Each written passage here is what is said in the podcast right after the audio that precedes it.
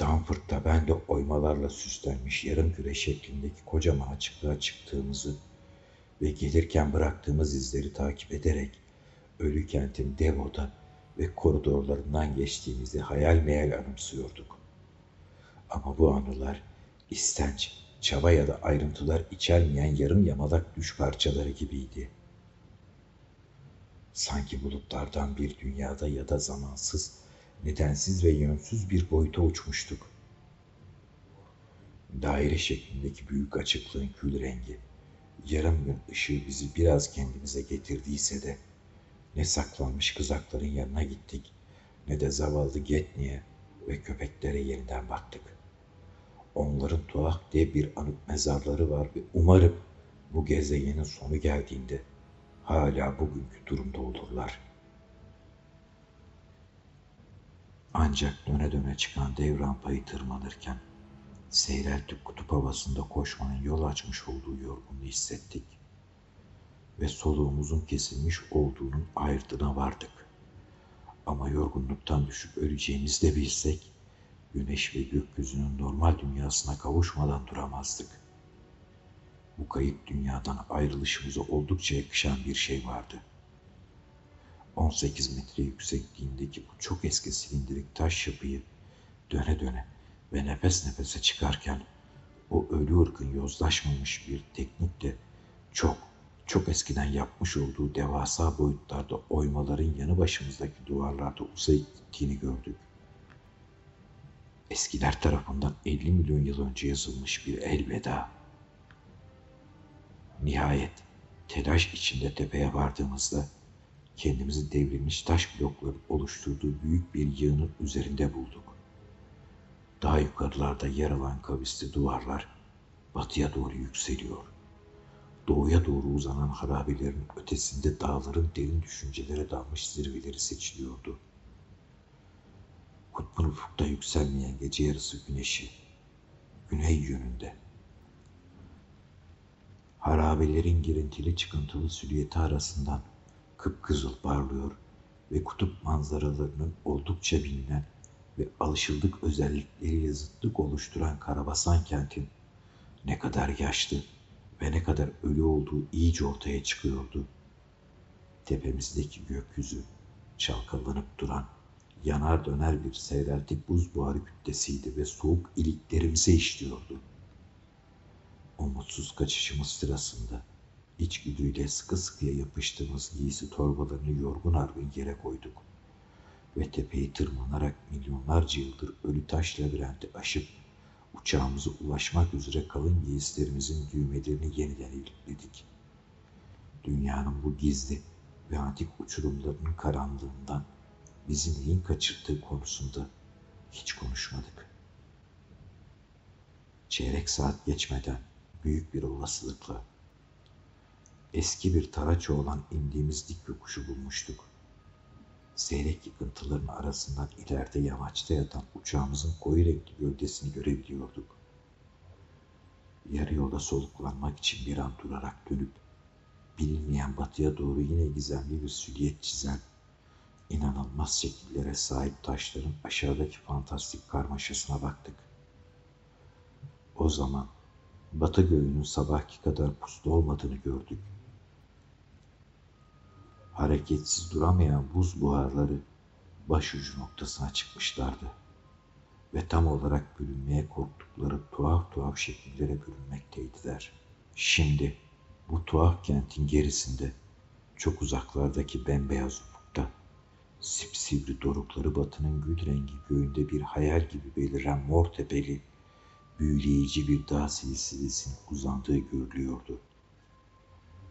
Arazi parıl parıl yanan ufka doğru tatlı bir meyilli yükseliyor. Çoktan kuruyup yok olmuş nehir bu toprakları düzensiz bir gölge kuşağı gibi boydan boya kat ediyordu. Manzaranın dünya dışı güzelliği karşısında duyduğumuz hayranlıktan bir an için soluğumuz kesildi. Sonra içimizi belli belirsiz bir dehşet duygusu doldurmaya başladı. Çünkü uzaklardaki bu mor hat dünyanın en yüksek zirveleri ve dünyadaki kötülüklerin odağı, isimsiz dehşetin, ve arkean sırların barınağı.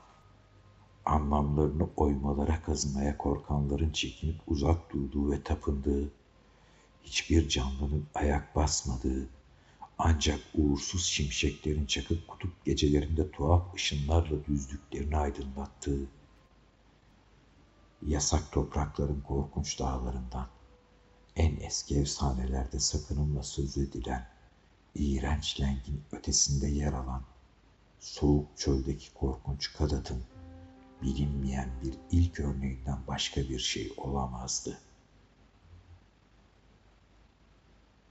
İnsanlık öncesi döneme ait kentteki oyma harita ve resimler doğru söylüyorsa, bu gizemli mor dağlar en az 300 mil ötede olmalıydı. Ama yine de müthiş bir yabancı gezegenin testere dişli görüntülerini andıran bu Irak ve karlı yükseltilerin kuşku verici, büyülü nitelikleri açıkça ortadaydı. Bu dağlar öyleyse bilinen hiçbir dağ silsilesiyle karıştırılamayacak kadar yüksek olmalı. Zirveleri gözü pek pilotların açıklanamaz düşüşlerinden sonra ancak sözünü edebilecek kadar yaşama fırsatı buldukları uçucu hayallerin doldurduğu seyreltik atmosfer tabakalarına kadar ulaşıyor olmalıydı. Onlara bakarken bazı oymalarda kurumuş nehrin kente lanetli amaçlarından aşağı doğru neler sürükleyip getirmiş olduğu konusunda yapılan imaları düşündüm. Tedirginlikle ve onları bu kadar az şey söyleyecek şekilde taşlara oyan eskilerin korkularında ne kadar sağduyu, ne kadar çılgınlık olduğunu merak ettim. Dağların kuzey eteklerini Sir Douglas Mawson keşif ekibinin bin mil kadar uzakta şu anda bile çalışmakta oldukları Kraliçe Mary topraklarının sahillerine kadar uzandığını anımsadım. Ve yazgılarının onlara bu sahil şeridinin gerisinde ne yattığını merak ettirmemesini diledim. Heyecandan alt üst olmuş sinirlerimle daha çok böyle şeyler düşünüyordum o zaman. Danforth'sa benden de kötü görünüyordu. Yıldız biçimli kalıntıyı geçerek uçağımıza ulaşmadan çok önce biraz azalmış olmakla birlikte korkularımız esas olarak yeniden aşmak zorunda olduğumuz yüksek geçide yönelmişti. Bulunduğumuz yamaçtan doğuya doğru yıkıntılarla dolu kapkara bayırlar tüm ürkütücülüğüyle yükseliyor ve aklımıza yine Nicholas Roych'in o tuhaf Asya tablolarını getiriyordu. Bu tepelerin altındaki göz göz delikleri ve iğrenç kıvrım kıvrım yollarını ta zirveye kadar açmış olabilecek o şekilsiz korkunç varlıkları düşündüğümüzde rüzgarın ıslık çalarak estiği mağara ağızlarının imalı bir şekilde gökyüzüne doğru açıldığı yerlerin yakınından uçma düşüncesi içimizi korkuyla dolduruyordu. Bu yetmiyormuş gibi bazı dorukların çevresinde yer yer sisler görerek zavallı Leyt de bu sesleri görmüş ve dağların volkanik olduğu yanılgısına düşmüş olmalıydı. Henüz kaçıp kurtulduğumuz sisi ve tüm bu buharları çıkaran korkunç uçurumu düşünerek korkuyla ürperdik. Uçakta her şey yerli yerindeydi. Kalın uçuş kürklerimizi beceriksizce üstümüze çektik. Danford zorlanmadan motoru çalıştırdı ve Karavasan kentten yavaşça havalandı. Çok eski çağların dev yapıları, çok kısa ama yine de sonsuzluk kadar uzun bir zaman önce onları ilk gördüğümüz zaman olduğu gibi altımızda uzanıyordu. Geçitten geçmek üzere yükselmeye ve rüzgarı test etmek için dönmeye başladık. Çok yükseklerde hava akımları oldukça şiddetli olmalıydı. Çünkü tam başucumuzda buz buharı bulutlar inanılmaz şekillere girip duruyordu. Ama geçidi açmak için yükselmemiz gereken 7500 metrede uçağın oldukça kolay idare edilebildiğini gördük. Çıkıntılı doruklara yaklaştıkça o tuhaf ıslık sesini yeniden güçlü bir şekilde duymaya başladık. Danforth'ın kontroller üzerindeki ellerinin titrediğini görüyordum. Amatör olmama karşın o anda uçağı doruklar arasındaki tehlikeli geçitten benim daha iyi geçirebileceğimi düşündüm ve onunla yer değiştirip görevlerimi devralmaya kalkıştığımda hiç karşı koymadı. Bütün ustalığımı kullanarak kendime hakim olmaya çalıştım. Dağların tepelerinden püsküren dumanlara bakmama kararlılığıyla ve sirenlerin şarkılarını duymasınlar diye Ulysses'in adamlarının kulaklarını tıkamış olması gibi rüzgarın huzursuz eden sesini duymamak için kulaklarımın tıkalı olmasını isteyerek bakışlarıma geçtiğim duvarları arasında görülen ötelerdeki kızılımsı gökyüzü parçasına çevirdim. Ama pilotluğu bırakan Dampert'ın sinirleri iyice bozulmuştu. Yerinde duramıyordu. Dampert'ın geride kalan kenti, küplerin yapışmış olduğu, mağaralarla delik deşik uzak doruklara, kare duvarlarıyla dolu karlı yamaçlara, şekilden şekile giren tuhaf bulutlara bakarak kıvranıp durduğunu hissediyordum. Tam geçitten uçağı niyetle geçirmeye çalışıyordum ki attığı korkunç çığlık bir an için kontrolleri karıştırmama neden oldu. Az daha ikimiz de mahvolacaktık. Kendimi hemen toparladım ve geçidi sağ salim geçtik ama korkarım ki Danford bir daha asla eskisi gibi olmayacaktı. Danford'un son olarak neden dehşete düşerek öyle delicesine çığlık atmış olduğunu bana anlatmaya yanaşmadığını söylemiştim.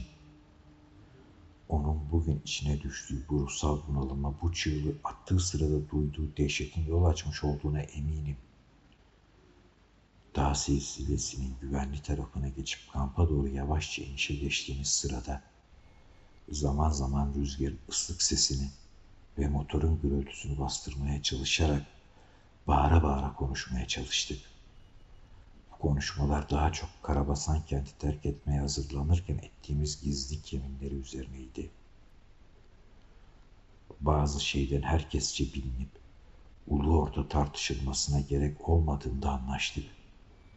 Şimdi de Starkweather Moor keşif gezisinin ve diğerlerinin yolunu kesmek gereği doğmasaydı dünyada anlatmazdım. İnsanlığın huzuru ve emniyeti için uyuyan anormallikler uyanmasın.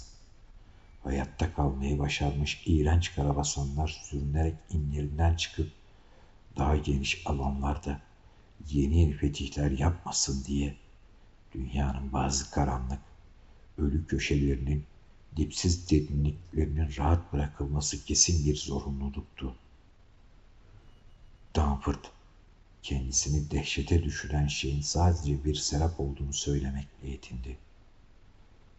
Bu şeyin dediğine göre açtığımız dağlarla o üzerlerinde küpler, yankılı mağaralar bulunan, içleri kıvır kıvır tünellerle göz göz oyulmuş ve buhar delili delilik dağlarıyla bir ilgisi yokmuş. Eskilerin korkup çekindikleri batıdaki o mor dağların ardında yatan şeyden başucu noktasında çalkalanıp duran bulutlara bir an için yansıyan fantastik, şeytani bir görüntüymüş. Büyük bir olasılıkla bu, yaşadığımız onca gerginliğin ve önceki gün Lake'in kampı yakınlarındayken gerçek olmasına karşın bizim bilmediğimiz dağın öte tarafındaki ölü kentin bulutlara yansıyan görüntüsünün zihnimizde doğmasına yol açtığı bir yanılsamadan başka bir şey değildi. Ama Danford için o kadar gerçekti ki bugün bile bir türlü etkisinden kurtulamıyor. Danford pek sık olmasa da ara sıra fısıltıyla kara uyuk, oyma kent, protoşogotlar, beş boyutlu penceresiz cisimler, atsız silindir, eski faros feneri, yok şatot, ilkel beyaz belde, gökten iner renk, kanatlar, karanlıkta gözler, ay feneri, ezeli, ebedi, ölümsüz ve daha bir yığın ipe sapa gelmez şey söylüyor. Kendine gelince de tüm bunları yatsıyor. Önceki yıllarda okumuş olduğu tuhaf ve uğursuz şeylere veriyordu hepsini. Danford gerçekten de üniversite kütüphanesinde kilit altında tutulan Necronomicon'un kurt yeni nüshasını baştan sona okuma cesaretini gösterebilmiş birkaç kişiden biri olarak bilinir. Biz daha silsilesini aşarken atmosferin yukarı katmanlarındaki karmaşa ve buhar kesinlikle artmış olmalıydı. Ve ben başucu noktasını görmemiş olsam da kaynaşıp duran buz tozlarının nasıl tuhaf biçimlere bürünmüş olabileceğini pekala tahmin edebiliyorum. Uzak manzaraların bazen böylesi sürekli hareket halindeki bulutlar tarafından nasıl canlı bir şekilde yansıtılıp, kırılıp, büyütüldüğünü biliyordum. Gerisini hayal gücü tamamlamış olmalıydı. Danford, geçmişte okuduğu bazı şeyleri tesadüfen anımsayıncaya kadar elbette ki bu dehşet verici şeylerin hiçbirinden söz etmedi. Bir anlık bakışla asla bu kadar çok şey görmüş olamazdı. Danford'un o sıradaki aykırışları kaynağı besbelli, çılgın bir tek sözcüğün tekrarından ibaretti. Tekelli, tekelli.